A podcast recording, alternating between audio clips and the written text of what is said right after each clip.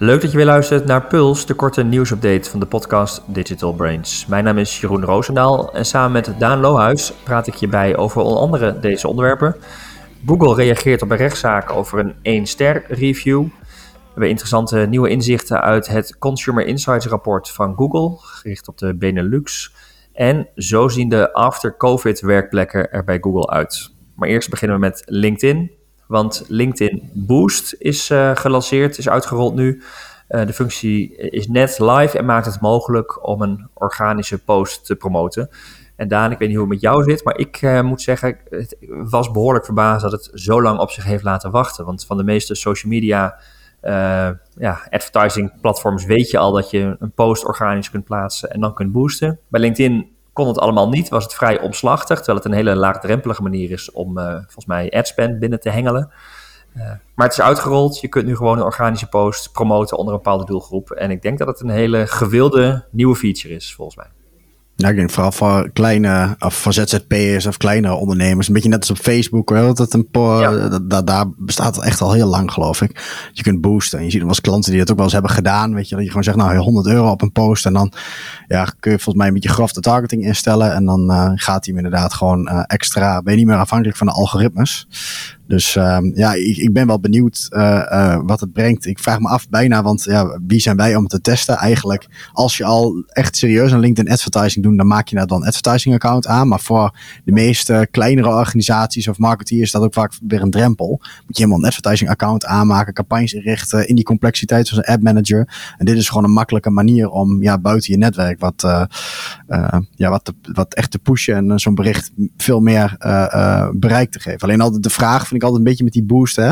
Uh, net als uh, ja, de, de Facebook promoted post. Heb je het zelf al eens gedaan? Ik, ik vraag me altijd af van dat, ja, hoe relevant is dat bereikt dan? Dan krijg je meer vertoningen, meer. Alleen ja, het is niet hele fijnmazige targeting natuurlijk uh, die je dan toepast. Ja, je, je kunt vanaf daar ook naar je doelgroep targeting gewoon toepassen. Dus bijvoorbeeld bij Facebook kun je zeggen je hebt voorgedefinieerde doelgroepen en je kunt promoten onder een voorgedefinieerde doelgroep. Dus daar je kunt inderdaad minder uh, echt campagnes bouwen. Maar even een post inderdaad echt een boost geven. Want dat is wel uh, ja, het idee erachter. Even een stuk promotie erachter te zetten. Dat wordt makkelijker. En dat kun je inderdaad onder een ja, op zich wel goed samengestelde doelgroep. Maar de intelligentie verder zul je toch wel echt in je advertentiebeheer moeten doen. Ja, okay, ja, dus uh, eigenlijk wat je zegt inderdaad, die, die um, klopt ook. Dus de laatste tijd wel veel veranderd. En uh, dat je nou wel die, die doelgroep targeting eigenlijk hetzelfde kunt instellen als in een advertentiecampagne. Alleen je kunt geen gelaagd hebben, meerdere boodschappen achter elkaar of dat soort nee. dingen toepassen. Niet uh, fijnmazige spend per dag misschien. Het is gewoon één keer per dag erop op die doelgroep, wel een specifieke. Alleen ja, ja. Je, nog steeds blijft natuurlijk belangrijk om goed over die doelgroep na te denken. Maar het kan inderdaad ja. van het interface is nou heel snel. Ja, het is inderdaad precies wat jij zegt. Eh, als je relatief weinig kennis hebt van advertising op, uh, van social advertising, dan is dit wel iets, als je het niet goed instelt, ja, dan raak je heel veel budget kwijt zonder dat je er echt heel veel relevant bereik uit haalt. Dus dat is wel iets waar je moet denken. Maar voor met name merken die al de doelgroepen goed hebben staan en waarbij een content marketeer gewoon ook af en toe een post snel wil promoten, ja, daar is het denk ik een hele mooie toevoeging voor. Ja, ben ik benieuwd. MKB-bedrijf. Ja. ja. hoeveel invloed ook gaat hebben. Als ik nu in mijn tijdlijn kijk, inderdaad, zie ik vooral echt grotere corporates adverteren, inderdaad. Ja. Uh, echt uh, van die B2B-oplossingen, dan zitten we natuurlijk zelf ook in die doelgroepen, zeg maar. Maar uh, ik ben wel benieuwd of je ook wat meer lokale of Nederlandse of kleinschalige organisaties ook berichten ziet pushen. ja. Dus ja. Nou, we gaan het uh, ook daar natuurlijk volgen wat het gaat doen. Maar het is in ieder geval een gewilde feature die nu eindelijk uitgerold is. Tenminste, ik uh, begreep dat er bij ons in ieder geval een paar mensen wel even op de stoelen stonden te dansen. Dat het nu ook, uh, ook kon. Hey, we hebben het eerder over gehad. Ik zat nog even te zoeken naar wanneer we het precies over gehad hebben. Maar dat ging over de, het trekken van jou als gebruiker, jouw gedrag op jouw device door andere apps. Hè, met ja. Apple en de nieuwe update, iOS 14.5 geloof ik werd dat trekken uh, aan banden gelegd. Krijg je, als je hem al geïnstalleerd hebt, ik zie het zelf ook, krijg je een melding van: mag deze app jouw gedrag uh, volgen, ja of nee? Uh, eerder, de eerste berichten waren dat het, er was heel veel angst, onder andere bij Facebook, dat ze heel veel data zouden gaan missen. Toen bleek in eerste instantie dat ik heel veel mensen het wel zouden gaan accepteren. Maar nu, met wat nieuwe informatie, lijkt dat het toch wel serieus ja, impact heeft. Want vanuit Amerika komen gegevens dat 4% van de Amerikaanse iPhone-gebruikers maar toestemming geven voor tracking. Ja, en als je dan 96% dus daadwerkelijk mist, dan is dat wel huge. Ja, ik kwam vanochtend toevallig nog tegen op, het, uh, op de iPad van mijn zoontje. Die bezig was met een spelletje spelen. Waarin die consent uh, werd gevraagd, zeg maar. Dus je ziet het nu in, in een hele hoop uh, um, apps terug, inderdaad. En nu zeggen ze inderdaad 4%. Terwijl we het eerder hadden over een cijfer van 30 of 35%, zeg maar. wat ja. consent dus toestemming geeft om die tracking toe te passen. Wat dus inhoudt dat je in, de in de app zelf ook gerichte advertenties krijgt, gepersonaliseerd. En niet gewoon breed getarget. Dus ja, dat maakt heel wat uit voor ook de adverteerders natuurlijk. Uh, dat je binnen apps en uh, ja, apps op iPhones eigenlijk niet meer gericht kunt mikken. Maar ook van appbouwers natuurlijk zelf. Gigantische impact. Want ze verwachten dat gewoon qua inkomsten flink wat doet. Omdat je dan ja, minder gepersonaliseerd is, minder geld waard.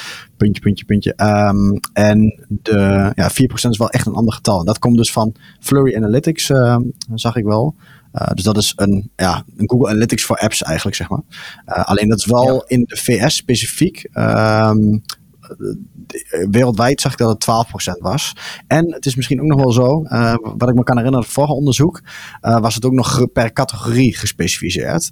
Um, en um, kijk, zo'n Flurry Analytics bijvoorbeeld waarschijnlijk heel veel in games en in de grote aantallen. En games zijn natuurlijk wel wereldwijd de meeste spelletjes. En daar waren in die categorie de meeste mensen ook um, ja, geneigd om nee te zeggen. Terwijl als het echt over, uh, ja, wat was het weer, utility apps ging, dus echt apps die je functioneel mm -hmm. gebruikt, dat daar de consent sneller wordt gegeven. Dat je snapt wat je ervoor terugkrijgt als gebruiker voor die personalisatie. Ja.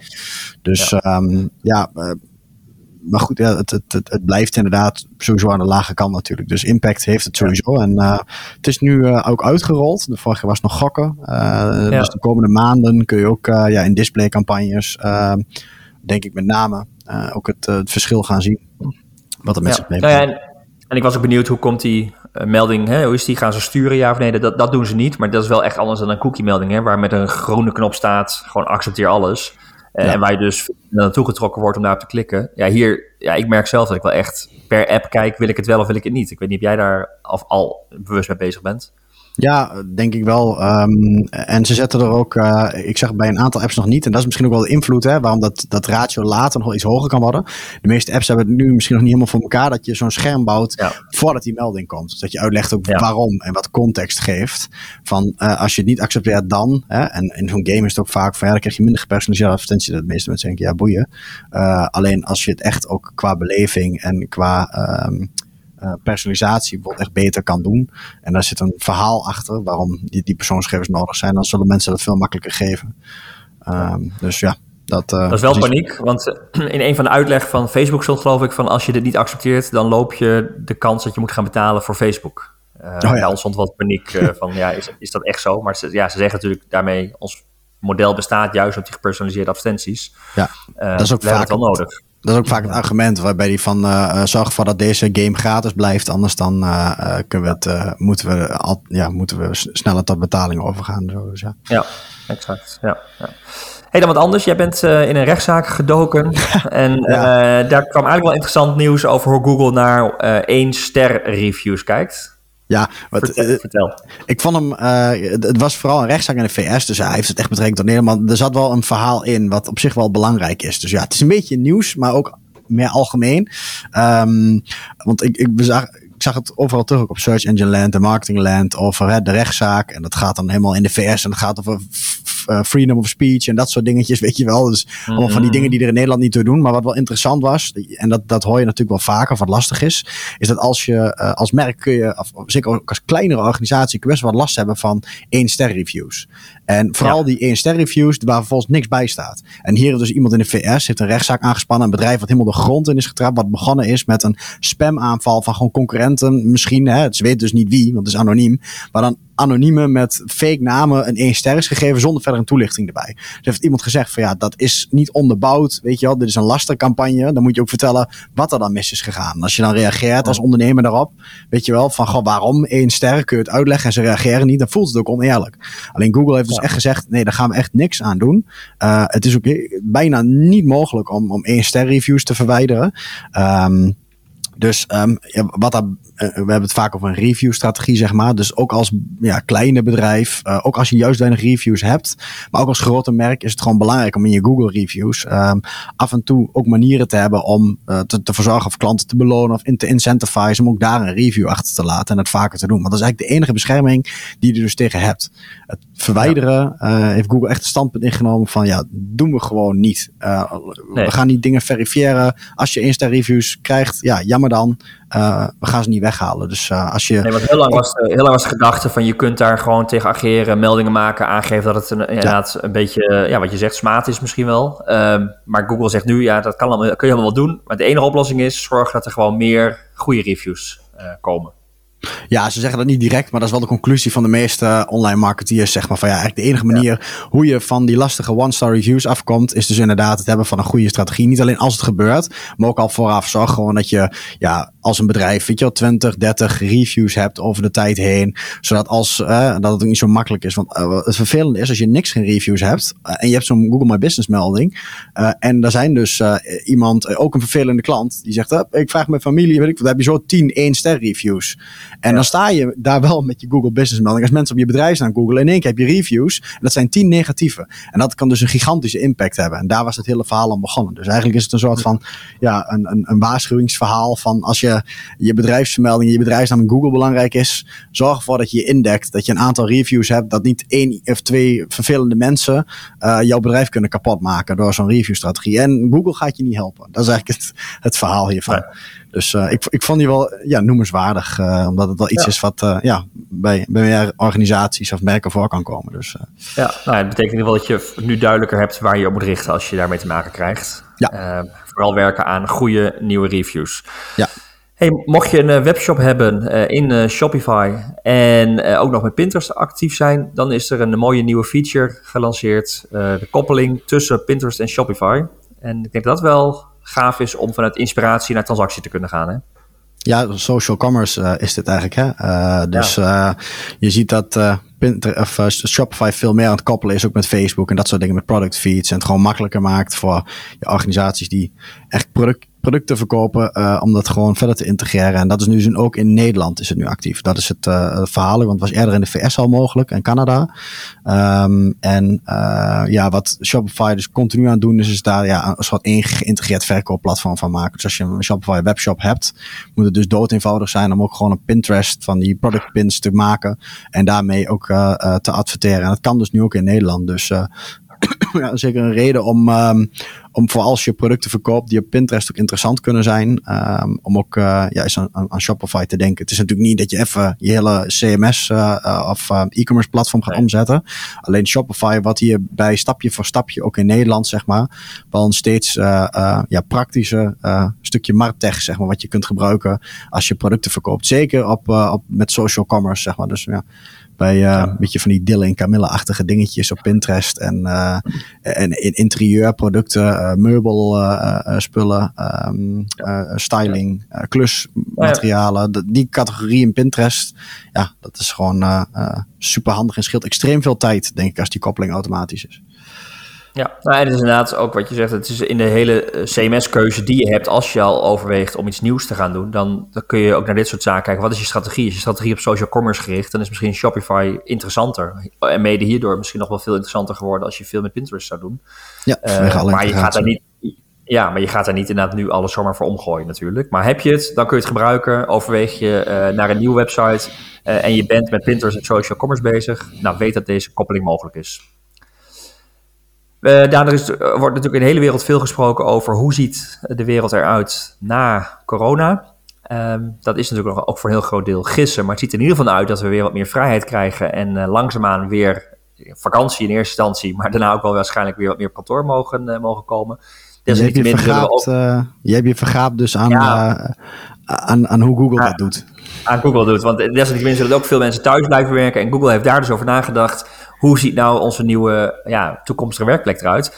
En ja, dit is wel, weet je, we, hebben natuurlijk, we zeggen altijd dat corona dat hele digital versneld heeft en dat het allemaal zo mooi is. Maar het blijft natuurlijk gewoon nog steeds ja, ruk met hoe we met elkaar zoomen en hoe, we, hè, hoe je fysiek en, en niet fysiek, hoe dat samenbrengt. En Google heeft erover nagedacht. verrijdbare schermen, bijvoorbeeld, die je gewoon naast een tafel zet, waar je heel groot, op dezelfde, ja, levensgroot eigenlijk, de persoon ziet. Een beetje te vergelijken met hoe Anouk bijvoorbeeld zit bij, hoe heet die, dat, The Voice, hè? hoe ze daar in de jury zit. Hè? Dat lijkt ze ook echt op die stoel te zitten, maar het is gewoon een scherm. Oké, ik, ik, kijk naar de Voice. Ja, ja, dat, nieuws, dat jij de Voice kijkt, dat verbaast me nog het ja, nou, wij gebrek aan beter soms op de vrijdagavond. Ja, echt zo'n uh, zo'n scherm in uh, ook... Uh, ja. Oh, ja, de jury zit op een, als je, de jury zit op een. Ja. Ja, de jury zit op een rij en in een portretstand zit Anouk daar vanuit een andere locatie bij. Maar het lijkt echt alsof ze er gewoon zit. Ja. Nou, dat heeft Google dus ook gelanceerd. Er is zelfs een campfire ruimte waarbij je in een soort ja, cirkel met elkaar zit. En dan zit er een stoeltje of een scherm. Dus ook een hele leuke mix. Met ook ja, realistische grootte. Dus het voelt echt alsof je collega naast je zit. En niet dat je echt naar een schermpje kijkt. Ja, maar ik zie hier ook uh, in. Uh, dat is wel leuk als, als je de show notes wil bekijken als luisteraar. Er staat een linkje in. En dan zie je ook gelijk um, uh, een artikel van de New York Times. Dat, dat headetje is al een, een timelapse van hoe ze daar werken op kantoor. Ja. Dus je ziet daar gewoon ja. de mensen een beetje rondlopen. We zien inderdaad ook dat grote verticale scherm ook aan een tafel zitten. Uh, samen met drie andere mensen. Dus dan inderdaad echt gewoon alsof je fysiek aanwezig bent. Het is niet zo van, die staat ergens aan een, aan een, aan een wand. hangt die collega, nee. die zit gewoon echt aan tafel op een scherm erbij. En, en ja. dus, soms lopen mensen erbij weg en gaan ze er weer bij zitten. Ja. Dus uh, ja. En door dat scherm te kantelen uh, heb je ook veel minder afleiding van wat er bij die persoon thuis of in, hè, op die andere plek allemaal eromheen gebeurt. Dus dat is ook ja, maar wat de handen en de mimiek. En ze laten ja. af en toe wat zien, een tekeningetje wat ze heeft gemaakt of iets. Een, uh, ja. Ja, ja, ja. Nou ja, en dan gaan ze Google, maar dat kan natuurlijk omdat ze daar een veel beter klimaat hebben dan wij, helemaal uh, in deze lente uh, hier. maar zij gaan natuurlijk veel meer buiten werken, veel meer uh, mooie werkplekken buiten creëren. en de laatste, die is ook wel grappig, er is, ze hebben een, een, een soort robot, ja, en die privacy kan uitklappen. Nee? Maar privacy robot, zoiets is het inderdaad. En die kun je dus als je zeg maar aan het bellen bent en je wilt meer privacy, kan je die activeren. Uh, en dan rolt er een soort, dan blaast er een soort ja, opblaasbare wand blaast zich op naast je. En daardoor heb je meer privacy uh, ten opzichte van de ander. Dat vind ik een hele. Die zie ik nog niet zo snel, maar ik vond die schermen en de inrichting voor de werkplekken wel super gaaf. Oh ja, nu zie ik hem ook. Een soort opblaasbaar. Ja. Ja. Hmm, die vind ik wel van de categorie van, ja, hoe. ik zie het al voor me, hier op kantoor. Ja. Hoe ga je dat doen? Ga ja. doen? Ja. Ik ga even bellen, ik wil even privacy. Ja. Ja, nou, hij is verrijdbaar en hij, is, uh, de, hij blaast zichzelf op. En daarom heb je in één keer een afscheidingsmuur tussen, die ook ja. nog een keer voor het geluid, uh, voor de akoestiek goed is. Het ziet er wel redelijk futuristisch uit. Maar uh, nou, leuk, je zei het al even in de show notes.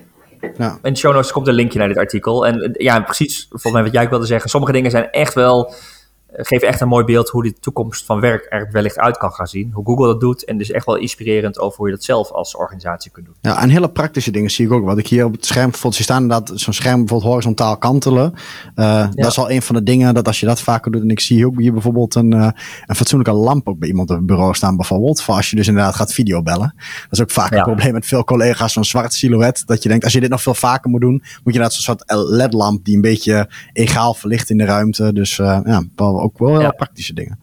Met tegenlicht. Dus er is goed over nagedacht inderdaad. En dingen waar je, waar je allemaal van kunt leren. Dus leuk om even naar te kijken. De link komt uh, in de show notes. Uh, jij had toch een artikel gezien die, waarvan je ook zei... dat moet eigenlijk uh, moet je, moet je ook allemaal even lezen. Althans, als je erin geïnteresseerd bent. Maar een onderzoek vanuit de Benelux... Google Benelux geloof ik. Of Google heeft het uitgevoerd in de Benelux moet ik zeggen. Over de zes belangrijkste factoren in koopbeslissingen.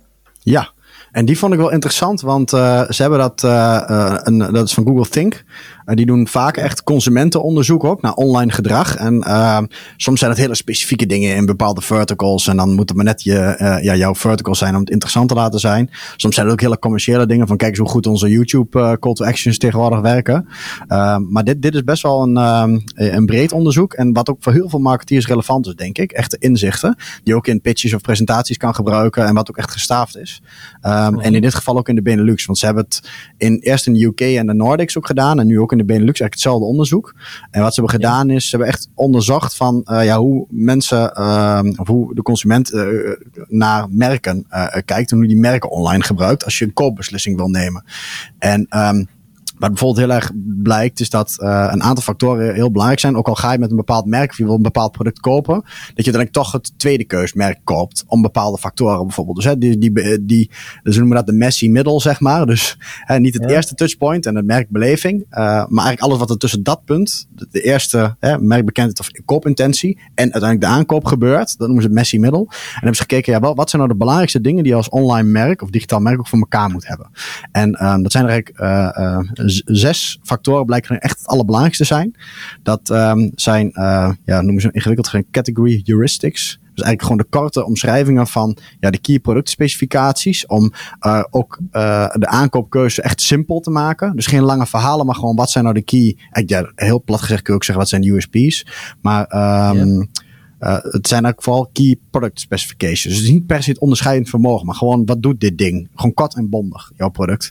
Um, the power of now. Uh, dus ho hoe langer je moet wachten voor een product, hoe zwakker de propositie uh, komt. Dus echt ook de voorraad en beschikbaarheid en, en hoe snel je het kunt handelen, zeg maar, is super belangrijk. En dat ook goed zichtbaar laten zien, dus, want dat is echt wel een key factor in het beslissingsproces. Ja, ja ja, hoe langer je moet wachten, hoe zwakker het wordt. Ook de keuze hè, uitstellen. Um, dan heb je de social proof. Nou, die is logisch, denk ik. Uh, recommendation reviews, die is, weegt gewoon heel zwaar.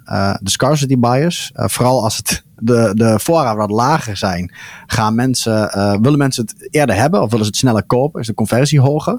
Dus wat je ook ziet, als het heel erg op voorraad is, dan is het ook weer niet goed. Als het op is, is het niet goed. Maar hè, tussenin de schaarsheid, zeg maar, dat Schaarste, zorgt ja. dat mensen beslissen van koop het nu, anders dan.